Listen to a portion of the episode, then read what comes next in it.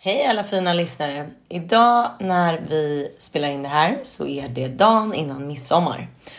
Och det blir en liten specialare idag för att vi fick inte ihop att träffas, jag, Anna och Johan. Utan den här gången så blir det ett litet fyllesnack på varsitt håll. Och eftersom det blir midsommar den dagen när det här avsnittet kommer ut så tänkte vi att vi kör en liten midsommar special. För midsommar har ju alltid varit eh, en högtid som är, för mig i alla fall, förknippad med fest. Det var inte som att jag fokuserade så mycket på att jag skulle få äta god potatis och sill, utan för mig var det tillfälle där det var helt okej okay att dricka ren sprit till lunch. Eh, nubbe och snaps och snapsvisor och det är ju supertrevligt liksom för de som kan dricka normalt och eh, inte ballar ur. Men eh, för mig som tyckte att det här var liksom den bästa högtiden på året, för då kunde man ju dricka som en galning utan att verka konstig. Så var det ju också förknippat med en rädsla för vad kommer hända nu liksom? Eller vad, vad kommer jag känna imorgon?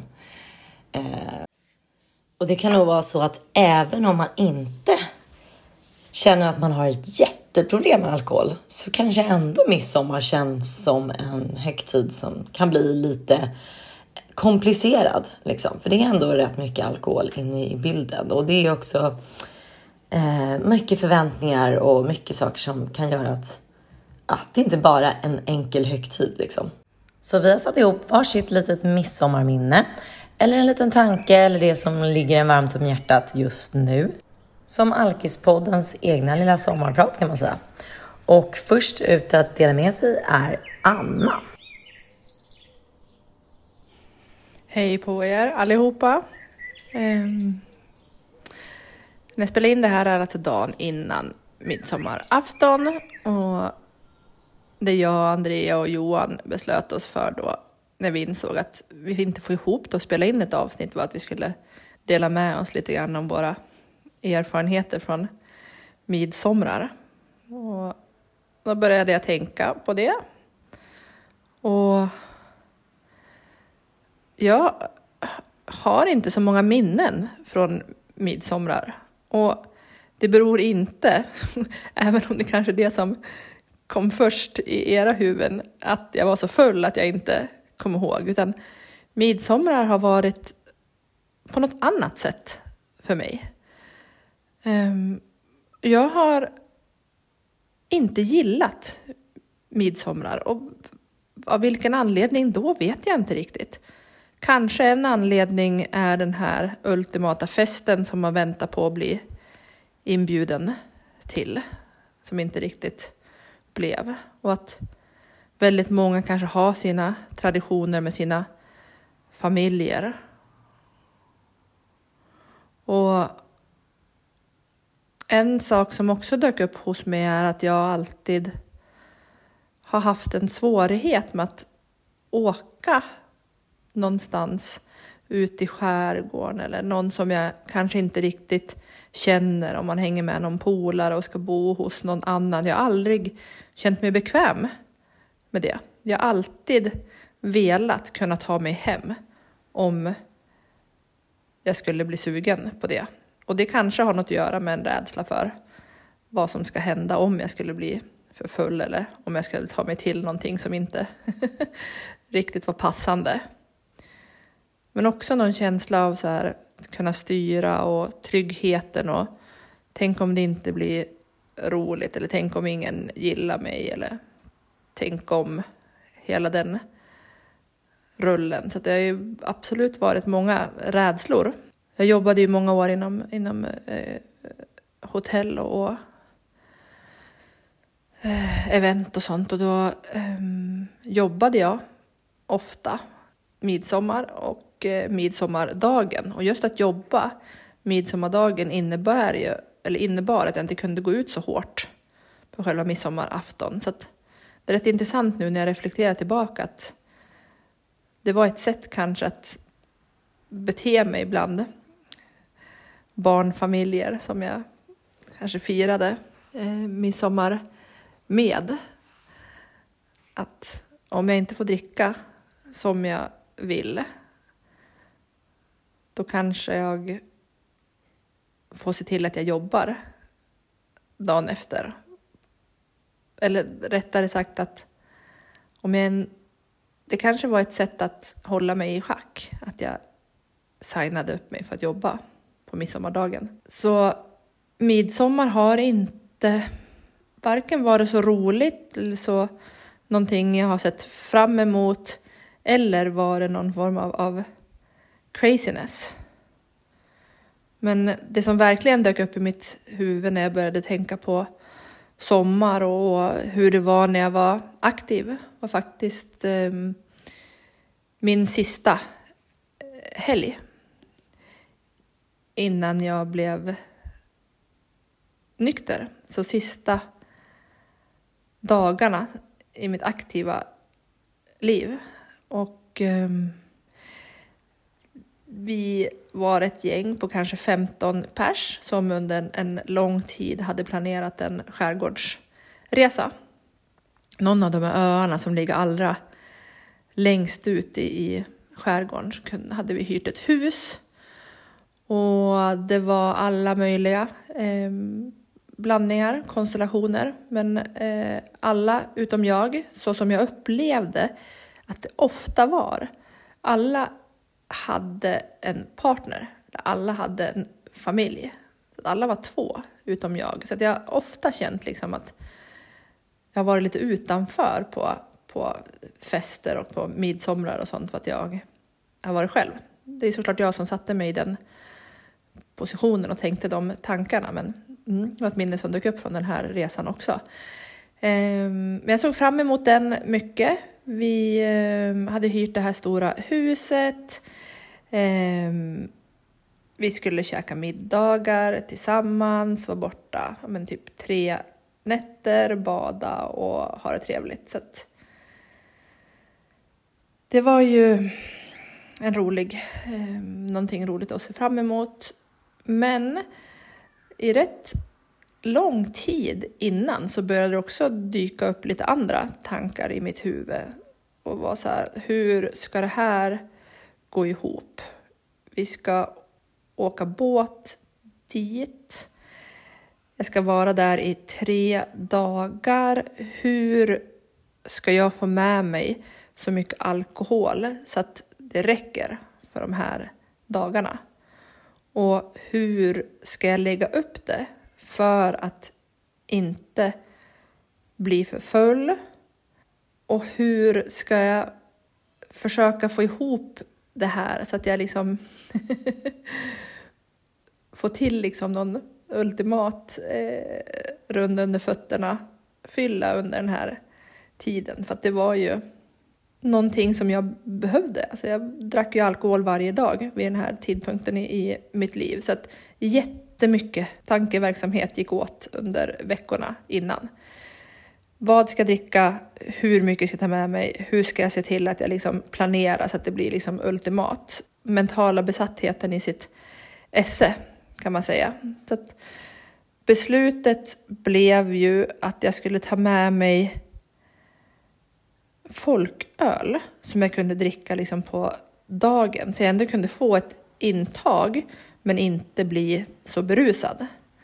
Och sen så kunde jag ha starköl till kvällen. För att det här var också en tid då jag hade som regel att jag bara fick dricka öl. jag hade gått från att jag bara fick dricka vin, bara fick dricka bubbel, bara fick dricka ute på restaurang, bara fick dricka i sällskap av andra, bara fick dricka hit och dit. Men regeln för den här tidpunkten var att jag bara fick dricka öl. Så då var det ju den stora kalkylen att hur många öl behöver jag då ta med mig på den här skärgårdsturen för att vara säker på att klara mig. Då blev det så här, jag kan ju inte komma med något no flak. Jag vill ju samtidigt liksom framstå som någon normal person. För det var ju ingen festarresa, det var ju familjer med barn som åkte. Ja, så jag höll på att kalkylera det där. Eh, packade väskan med ordentligt med öl.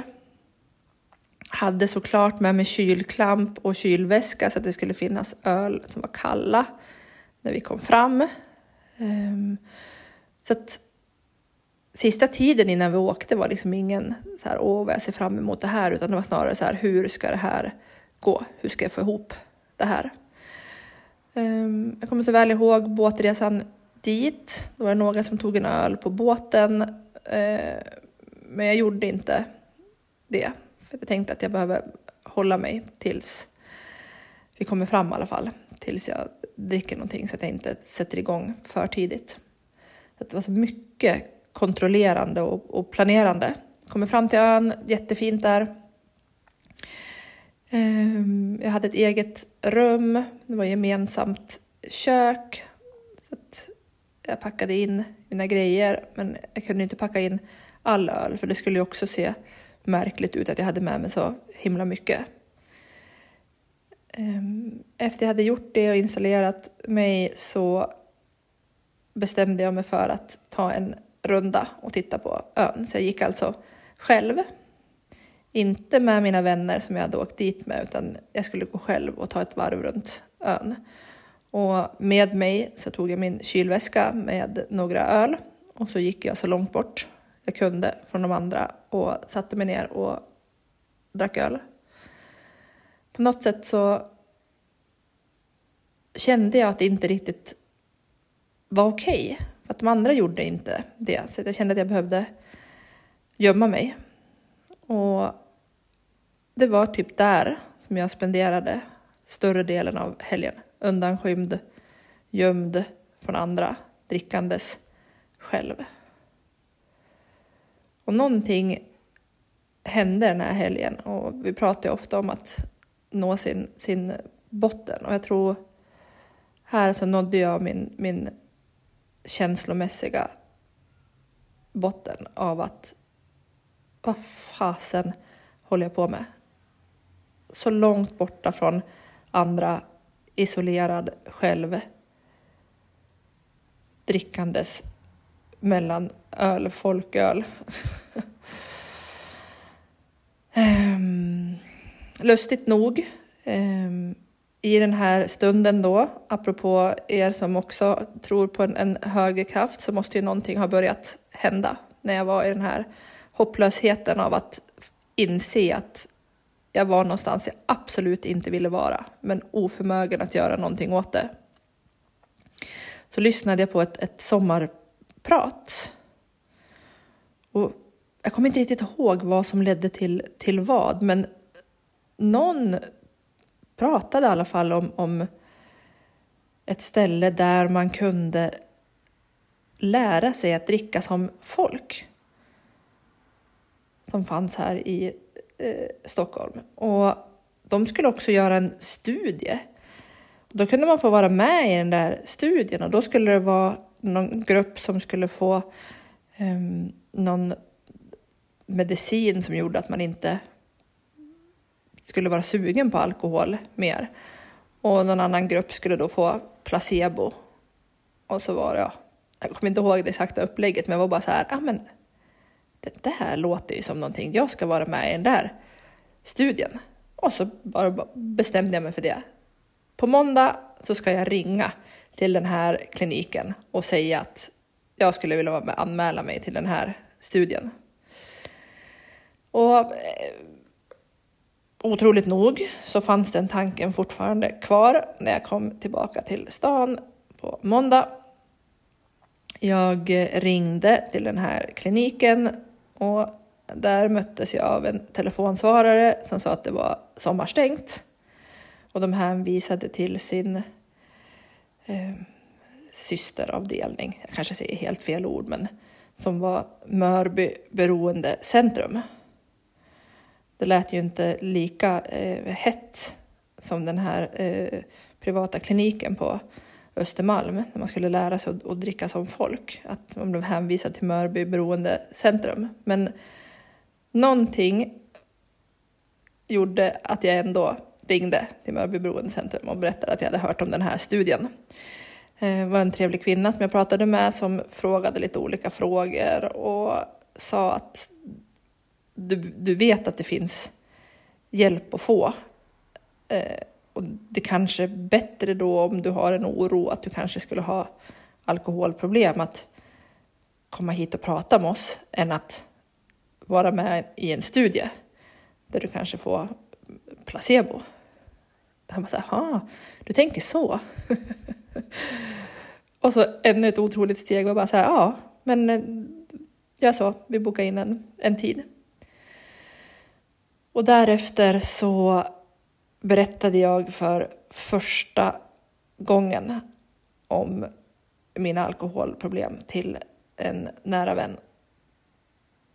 Och hon var den som körde mig till Mörby beroendecentrum några dagar efter.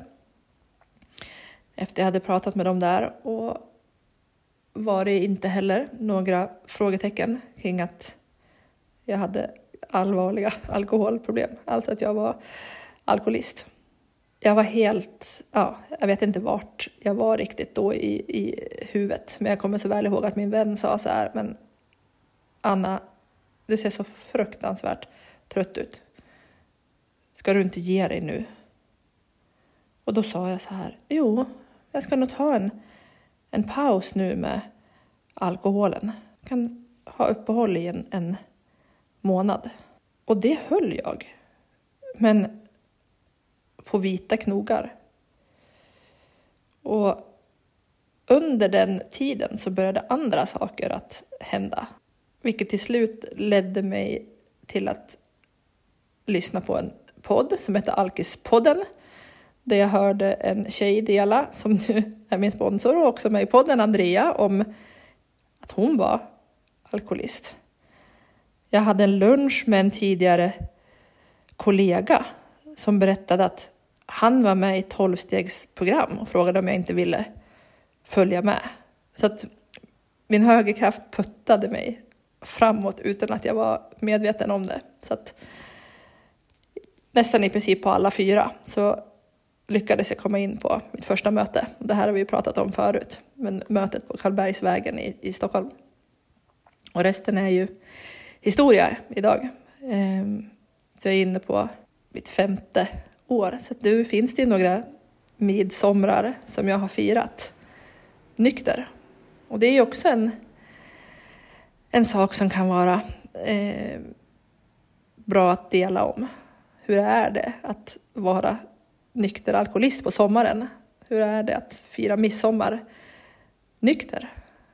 Och jag kan ju utan att på något sätt överdriva säga att nu har mina midsommar börjat blivit härliga. Inte att jag kastade mig in i någon, i någon eh, midsommardröm med kransar och dans och grejer. Men jag har åkt på yoga-retreat, jag umgås med vänner, jag har gått på möten på midsommar, haft det skittrevligt. Och har faktiskt inte gjort det som sån himla stor dag. Kanske lite grann som jag gör med andra högtider också. Det finns andra dagar som är jävligt mycket bättre än jul och nyårsafton och, och midsommar. Jag gör inte så stor grej av dem.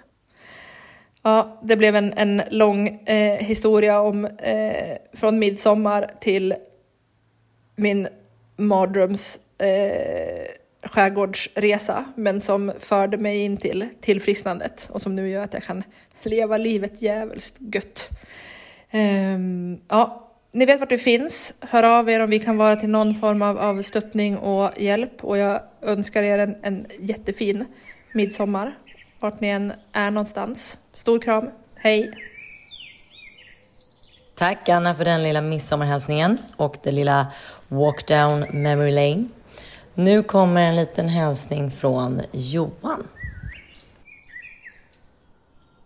Hej alla härliga lyssnare som vi har. Hoppas att ni har en, en jättefin midsommar. Det här är Johan som sitter och pratar för mig själv. För, eh, kan, inte för första gången, men kanske för första gången i en podd i alla fall. Jag är uh, ute på landet. Vi har, vi har flyttat hit för sommaren. Och uh, fick en uh, en härlig uppgift av mina eminenta poddkollegor att spela in ett, ett minne om midsommar. Det var en svår uppgift tycker jag. In... Jag vet inte riktigt varför om jag ska vara helt ärlig. Uh, kanske för att midsommar har blivit någonting annat nu än vad det var då. Och eh, ibland är det så för mig att jag behöver höra andras historier för att komma på min egen. Jag vet inte hur det är för er. Det är Också lite mm, kul slash ironiskt att vi sitter här på landet då och jag kommer ihåg när vi började fundera på att köpa ett landställe så tänkte jag så här, varför ska man ha det? Man är ju bara där tre gånger per år. Eh, man är där på midsommar, man är där på kräftskiva och så är man där på en annan fest. Så att landet för mig fanns inte som ett ställe där man kunde vila, ta det lugnt, bara vara, göra helt vanliga saker. Utan det var ett ställe som var till 100% kopplat till fest. Även flera, flera år in i nykterheten. Så att det med att eh, de här, den här logiken som jag skapade under så många år av ett aktivt missbruk. Att vara aktiv i mitt beroende. Det är inte någonting som bara försvinner för att, eh, för att jag slutar dricka.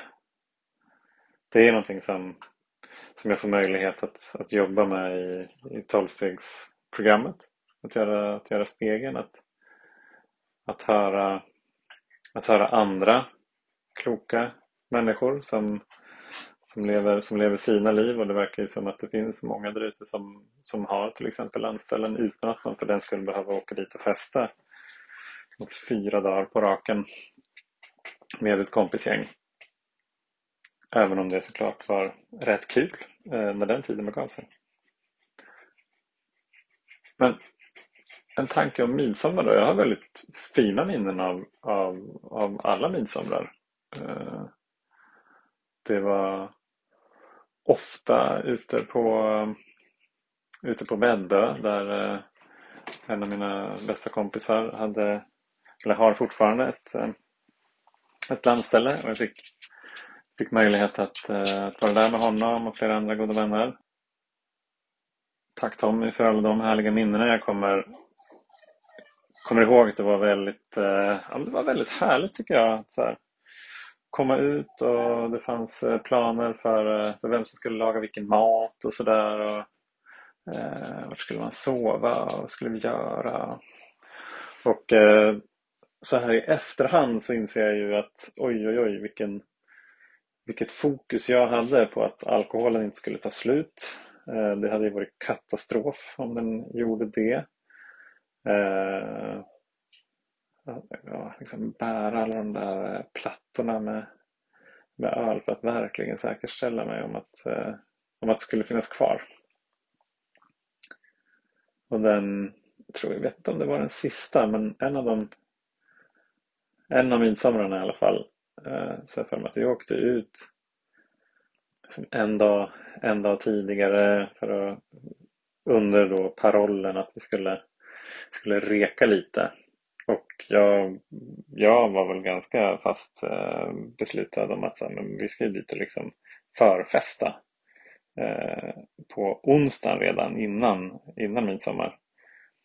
Som vi gör på fredagen. Och eh, så, så det hände ju. Jag för mig att vi var tvungna att eh, fylla på lite alkohol där på torsdagen för att det var ju väldigt liksom fara och färde att det skulle kanske ta slut. Det blev eh, såklart fest på torsdagen också.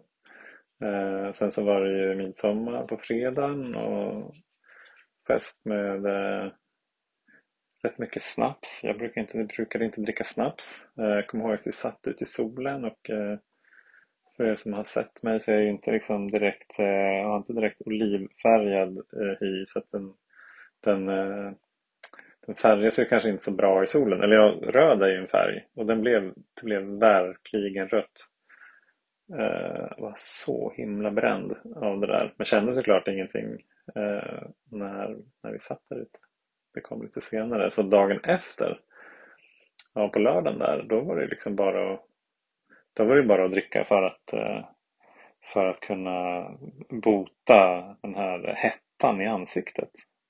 Och det tyckte jag väl funkade ganska bra.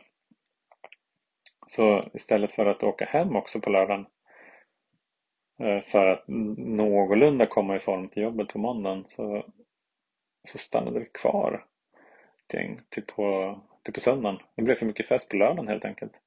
Så åkte vi hem på söndagen och på bussen på vägen hem så, så kom jag ihåg att um, det var liksom en plan som började ta form att kanske skulle kunna ta några öl nere på, nere på Medis i Stockholm.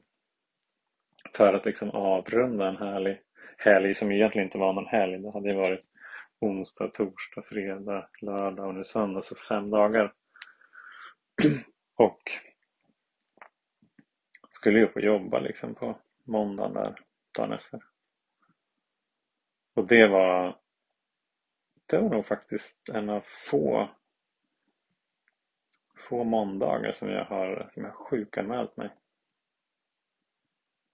Och eh, skäms lite faktiskt över att jag gjorde det nu men, men så var det i alla fall och, eh, och eh, försökte liksom få min eh, chef att, eh, att förstå att jo, jag var nog sjuk där på måndagen och hon trodde väl kanske inte på det men sa inget mer eh, om det men, eh, men jag, jag förstod ju att hon förstod. Hon förstod nog att jag förstod att hon förstod. Så att det, var liksom någonting som vi inte riktigt pratade om. Men eh, jag har inte gjort om det sedan dess. Eller. Det är liksom slår mig hur, eh, hur det inte egentligen handlar om midsommar. Eller handlade om midsommar. Det var ju inte så viktigt eh, vilka lekar eh, vi skulle göra eller Eh, Eh, att vi faktiskt gick ner och dansade runt eh, midsommarstången eller sådär. Utan det viktigaste var ändå att det var fest. Kanske med några undantag att liksom bara få hänga med de här vännerna. Men eftersom festen fortsatte så fortsatte vi vara kvar. Så att de hängde liksom ihop. Men som sagt, det är till fina minnen. Det är väldigt mycket vänskap som som knyts samman med, med midsommar också. Och just nu, det, nu är det lite annorlunda. Nu, dels är jag pappa till Elma som fyller fyra år här snart. Eh, vi kommer ha en väldigt familjeorienterad midsommar ute på landet och eh, faktiskt gå och hänga några timmar med eh, alla andra glada människor här ute på Saltare och just dansa runt midsommarstången och det finns lite lekar och fiskdamm och sådär för för barnen. Kanske även för vuxna barn. Vi får se om eh, pappor får vara med. Och eh, ja, mer fokus på att eh, vara med varandra. Och min Josefina, min fru, hon, hon ska iväg och handla och fråga om jag vill dricka någonting speciellt. Och, då, och det kan ju vara lite liksom lurigt det där tycker jag med vad ska man dricka på, på midsommar eller liksom festligheter överlag om man är lite less på Ramlösa och kanske har fått i sig en Cola Zero för mycket. Alltså, hon kommer köpa lite, lite lemonad med liksom bubbles i. Alltså inte bubbel som i champagne utan eh, kolsyra. Och eh, sen så eh, köpa lite olika typer av ginger beer. Som är rätt gott och läskande tycker jag. Eh, iste är rätt gott att göra. Eh, och sen så går det att göra rätt eh, fräscha alkoholfria drinkar av eh, kolsyrat vatten. Och så kan man ha lite så här eh, drinkmixar. Typ, eh, jag gillar till exempel eh, mojito. Så kan man köpa mojito-mix. Eh, och då inte blanda med rom utan bara blanda med, blanda med kolsyrat vatten. Kanske ha lite extra socker och sådär. Det blir ganska gott. Så att där någonstans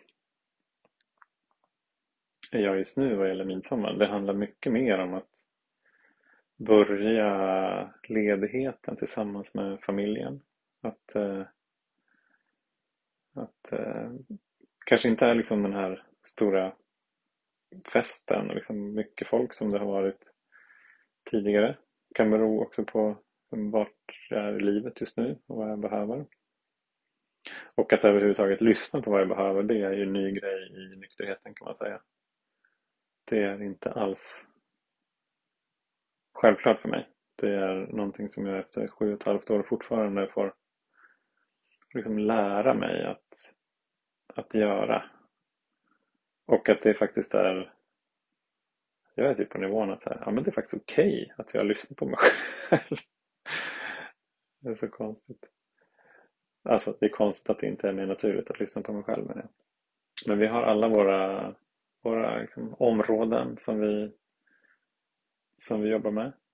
Det är också en del i liksom, det fortsatta utforskandet. Eh, för några år sedan så var det helt andra grejer som jag jobbade med. Förra året vid den här tiden så hade jag monumental ångest för att jag insåg väl någonstans att jag behöver byta jobb och eh, var jätterädd för det. Men eh, så här sex månader in på det där nya jobbet som det blev så insåg jag att ja, men jag kunde ju faktiskt dels säga upp mig från ett jobb och eh, det löste sig på ett bra sätt. Um, och det löste sig inte bara för att jag kastade pennorna i luften och gjorde ingenting utan jag gjorde fotarbetet. Men exakt vad det blir, det behöver jag släppa taget om. För faktiskt är det så att det som det, det som det nu blev, det är mycket bättre än vad jag hade kunnat ens drömma upp där för ett år sedan. Så det var ju på sitt sätt bra att det inte blev som jag tänkte, för då hade det blivit mycket sämre. Jag vet inte hur det är för er, men så där är det ganska ofta för mig.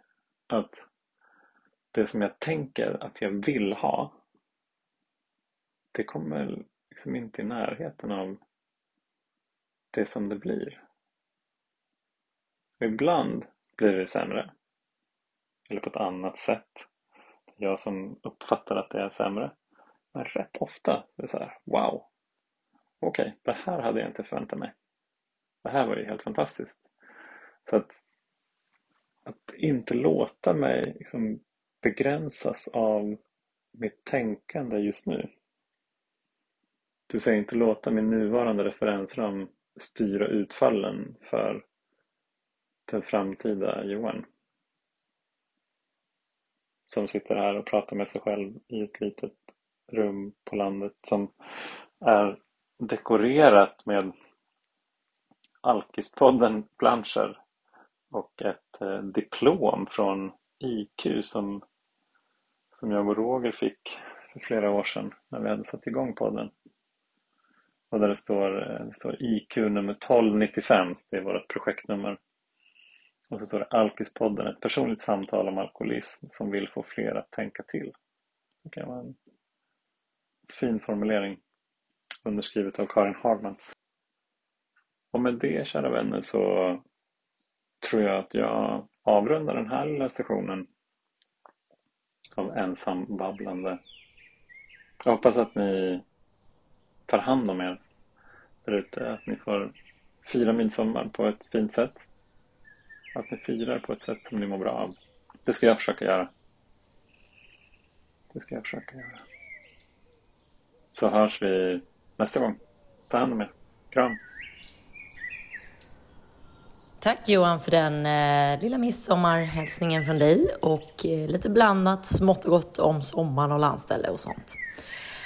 Ja, men då ska jag försöka komma på någonting som gäller midsommar. Eh, jag har alltid tyckt om midsommar, även om det varit blandat, skräckblandad förtjusning. Jag har varit överpeppad, men eh, ändå känt att det ska bli jäkligt kul. Det var ju som jag sa en högtid där jag kände att nu äntligen får jag dricka i det tempot som jag vill. Alltså gärna mycket och hela tiden. Så för mig var det liksom Midsommar var alltid en härlig känsla. Det var alltid ute på landet, någons landställe, ute i skärgården eller utanför Norrtälje. Och det var alltid strålande sol som jag kommer ihåg det. Ibland frågar folk mig när jag kom på första gången att jag var alkoholist.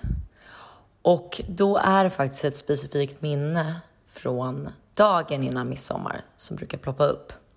Och jag har säkert delat det här i podden tidigare, men jag tycker att det är, alltså det är både komiskt och sorgligt. För att det var dagen innan midsommar och jag hade köpt allting som jag skulle dricka på midsommar. Jag var ensam hemma. Jag var 19 år. Och jag var för peppad. Alltså jag var för peppad på att det skulle vara midsommar imorgon. Och när jag var sådär för peppad som jag brukade bli innan fester så brukade jag känna att jag kan inte hantera det här.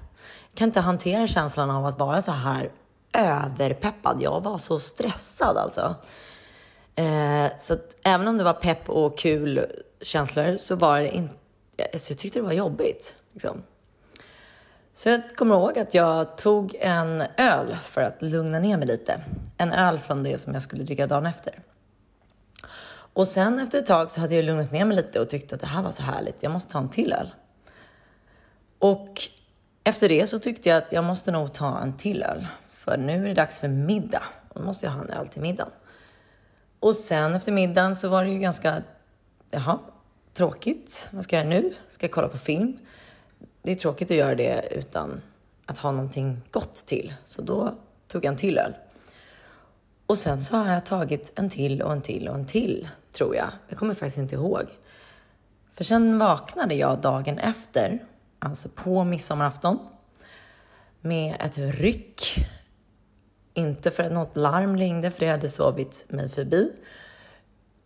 Utan jag vaknade av mig själv, kanske tolv, halv ett. Liksom. Ja, mitt på dagen. Och jag skulle ju fått skjuts med en kompis ut till en fest på Värmdö. Men det har jag missat. Och jag har missat samtal. Och jag hade helt enkelt missat hela midsommarlunchen. The big event, liksom på midsommarafton. Och jag vaknade med världens panik och världens stresskänsla och undrade bara vad fan hände igår? Ehm, så jag bara rafsade ihop massa kläder och försökte väl sminka mig och se normal ut liksom. Men jag var ju vrålbakis. Jag kommer ihåg att det här var, äh, det var sån jäkla panik och jag skämdes så mycket för så här kan man inte hålla på. Och jag tog mig väl ut till den här festen via någon buss liksom. Satt där i säkert en timme, en och en halv timme och bara mådde sjukt dåligt. Och jag kan komma ihåg fortfarande hur jag liksom, när jag på väg från busshållplatsen närmade mig den här festen på någons landställe, började känna att nu var det dags att sätta på det här glada ansiktet. Ehm, Pepp! Woo! Tur att man kan ha solglasögon på sommarfester, kommer jag ihåg att jag tänkte. Och sen kom jag fram och då var det bara att göra som jag alltid gjorde för att hantera jobbiga känslor. Bara ta en drink eller en öl eller någonting och bara köra på som alla andra liksom. Hoppa in i festen och eh, det var ju jättekul såklart. Men det var ju mindre kul dagen efter midsommar då jag hade två dagars baksmälla i ryggen medan alla andra bara hade en. Och jag kommer så väl ihåg också att jag, alltså, att jag hade suttit hemma och druckit upp allt jag skulle ha dagen innan midsommar själv. Jag fattade ju att man inte skulle göra så liksom, så att jag sa nog till, till någon eller några att ja, men jag var ute med en jobbkollega igår, så jag är lite bakis. Men eh, jag var inte ute med en jobbkollega. Det hittade jag ju bara på usch, det var inte kul alltså. Jag kommer verkligen ihåg den här känslan av att jag skämdes och jag kände verkligen att så här vill inte jag ha det. Vad fan hände? Liksom, hade jag bestämt själv, då hade det inte blivit så här. Då hade jag ju gått och lagt mig tidigt så jag kunde vakna fräsch på midsommarafton. Men så var det ju då eh, på den tiden. Jag kunde faktiskt inte bestämma själv alltid.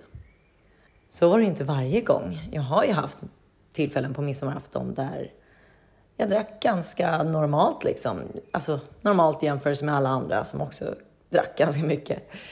Och eh, där det inte var några konstigheter liksom. Och de tillfällena levde jag ju såklart länge på. Det jag tänker på idag är ju hur otroligt skönt det är att inte behöva vara rädd för midsommarafton eller andra högtider för den delen också. Och jag har ju två små bebisar nu och även min bonusson som är nio och det blir mycket fokus på barnen. Och hur sjukt det än låter så är det precis så jag vill ha det. Hade mitt 19-åriga jag då hört att det jag ser fram emot med midsommar det är att se hur alla barnen har det jättekul och jag själv kanske sitter i solen och har det mysigt helt utan alkohol och att jag inte bryr mig ett dugg om vad jag ska dricka. Jag kan dricka vatten hela dagen och det spelar liksom ingen roll. Det är inte det viktiga. Det hade nog min 19-åriga jag tyckt var riktigt tråkigt. För då hade jag ju inte ett dugg sinnesro i kroppen. Så att, att liksom inte ha ett mål med midsommar där man skulle få fly eller få känna eufori eller få, jag vet inte, skjuta ut sig. Det hade jag nog tyckt var fruktansvärt faktiskt. Men bara för att jag då vid 19 års ålder kände att så här, det här är nog inte riktigt okej okay, eller det här känns inte riktigt bra. Fan alltså, jag har kanske problem. Alltså man dricker inte upp allt man ska dricka på midsommarafton dagen innan. Trots att jag insåg det så dröjde det faktiskt tio år tills att jag gjorde någonting åt det när jag var 29. Och det var ju inte för att jag inte ville göra något åt det tidigare, eller delvis kanske. Men jag kunde inte göra något åt det tidigare.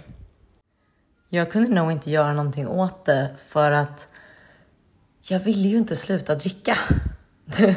Det är ju svårt att göra någonting åt det då. Jag vill ju dricka som en normal person och det försökte jag verkligen göra mycket och länge. Och med det tog jag ju faktiskt också hjälp. Och just inför sådana här högtider som midsommarafton, då kunde det faktiskt hända att jag läste tips på nätet eller kanske i någon tidning där det stod hur du ska lägga upp ditt drickande för att få den perfekta midsommarafton till exempel. Då kunde det vara tips som Bestäm innan hur mycket du ska dricka. Ja, jag bestämde alltid hur mycket jag skulle dricka innan och köpte exakt så mycket jag skulle dricka. Men sen drack jag ju ännu mer, alltid. Så även om jag bestämde mig för saker så kunde jag ju aldrig hålla det. Och sen så stod det alltid att man skulle äta ordentligt. Eh, och det, ja, det spelade egentligen ingen roll om jag åt mycket eller lite. Jag såg ju till att bli full ändå. Och sen stod det att man inte skulle hetsdricka. Eh, dricka varannan vatten är en smart idé. Och det ledde väl bara till att jag drack jäkligt mycket vatten. Helt enkelt. Eh, och så fanns det en massa andra tips som man kunde följa. Och ja, det spelar ingen roll om jag visste om de tipsen om jag sen ändå inte följde dem. Och det spelar ingen roll att jag in, hade insikt om att jag kanske hade problem om jag sen inte gjorde något åt det. Jag är så himla tacksam att jag till slut kom till en plats där jag både hade insikt om att jag var sjuk, vågade se ärligt att jag kan nog inte dricka normalt. Jag, jag måste nog ta hjälp och sluta. Och att jag faktiskt också tog hjälp. Jag bad om hjälp. För det är hela skillnaden. Så med det tror jag att jag avslutar mitt lilla midsommarminne och hoppas att ni har haft en trevlig liten stund med oss och hoppas att ni får en fantastisk midsommar och start eller fortsättning på sommaren. Så hörs vi snart igen. Ha det fint. Hej då!